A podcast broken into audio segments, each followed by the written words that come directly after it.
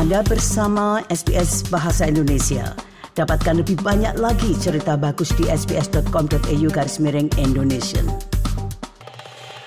Sebuah tinjauan penting terhadap skema asuransi disabilitas nasional atau NDAS menemukan bahwa sistem dukungan disabilitas di Australia terlalu bergantung pada skema itu, sehingga membatasi pilihan dan kendali bagi para pengguna.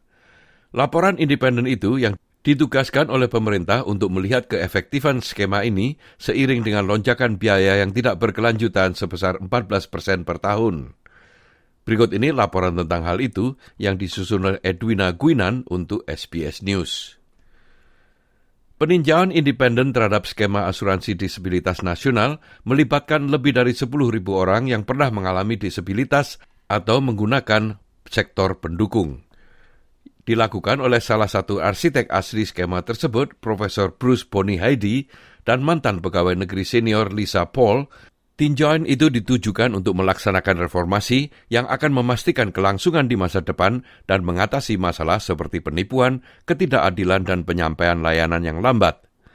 Menteri NDAS Bill Shorten mengatakan kepada National Press Club bahwa sudah waktunya untuk melakukan penggerakan kembali. The National Disability Insurance Scheme is here to stay, but we need to get it back on track. If anything, the NDIS review has reinforced this position.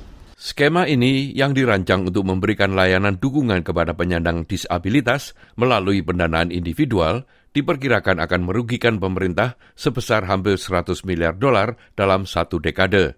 Namun bagi Brianna Blackhead yang putra remajanya Max dan Fred, keduanya mengidap autisme, sangat mustahil untuk memberikan nilai uang pada dukungan yang sangat berarti bagi mereka. And it can be quite upsetting to hear people talking about the disability community in a way that just has a price tag attached to it rather than looking at the value that uh, you know kids like mine bring to my life and those around them and then to the broader community. Keluarganya terkadang menganggap skema tersebut tidak konsisten, lambat dan sulit dinavigasi. Namun ia mengatakan dukungan yang diterima putra-putranya telah mengubah hidup mereka. Without the NDIS, we were effectively living under lockdown. So if you remember what that was like, that was what it was like for us. We had trouble accessing the community.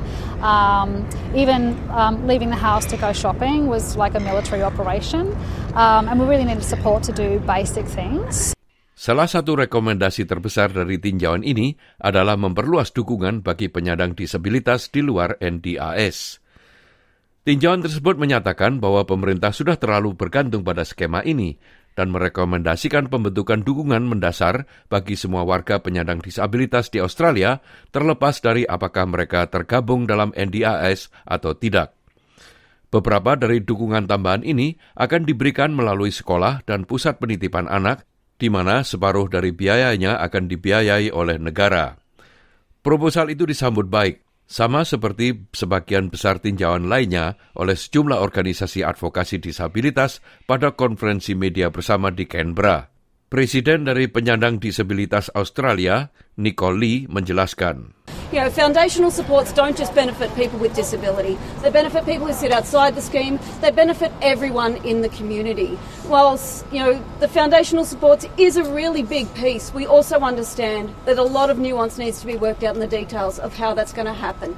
It's not going to happen overnight, and we understand that this is going to take significant time, investment, and planning to actually implement.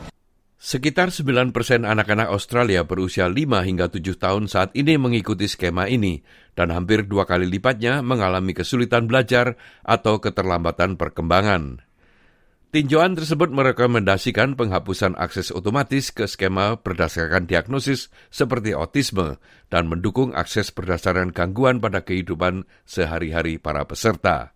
Berikut penjelasan dari Bill Shorten. In the past, people were getting onto the scheme by diagnosis. Diagnosis alone. In some cases, parental diagnosis. What we want to do is actually meet the person who's to go on the scheme, on their family, and see what the impact of their diagnosis is having on their daily life. There's no point in giving a child the wrong services. There's no point in saying to a child uh, or family of a child, oh, yeah, we'll just give them 40 hours a week when that's not beneficial.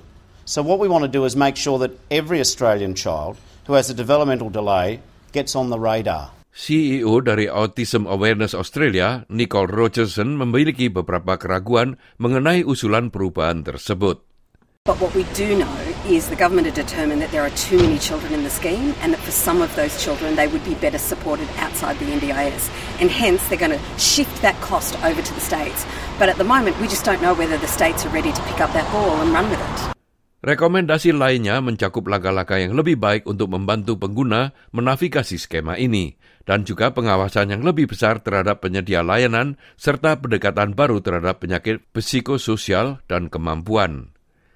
Tinjauan ini juga berupaya mengatasi masalah kekurangan tenaga kerja dengan memastikan pelatihan profesional berkelanjutan dan memungkinkan pekerja untuk mentransfer hak cuti dan dana pensiun antar pekerjaan.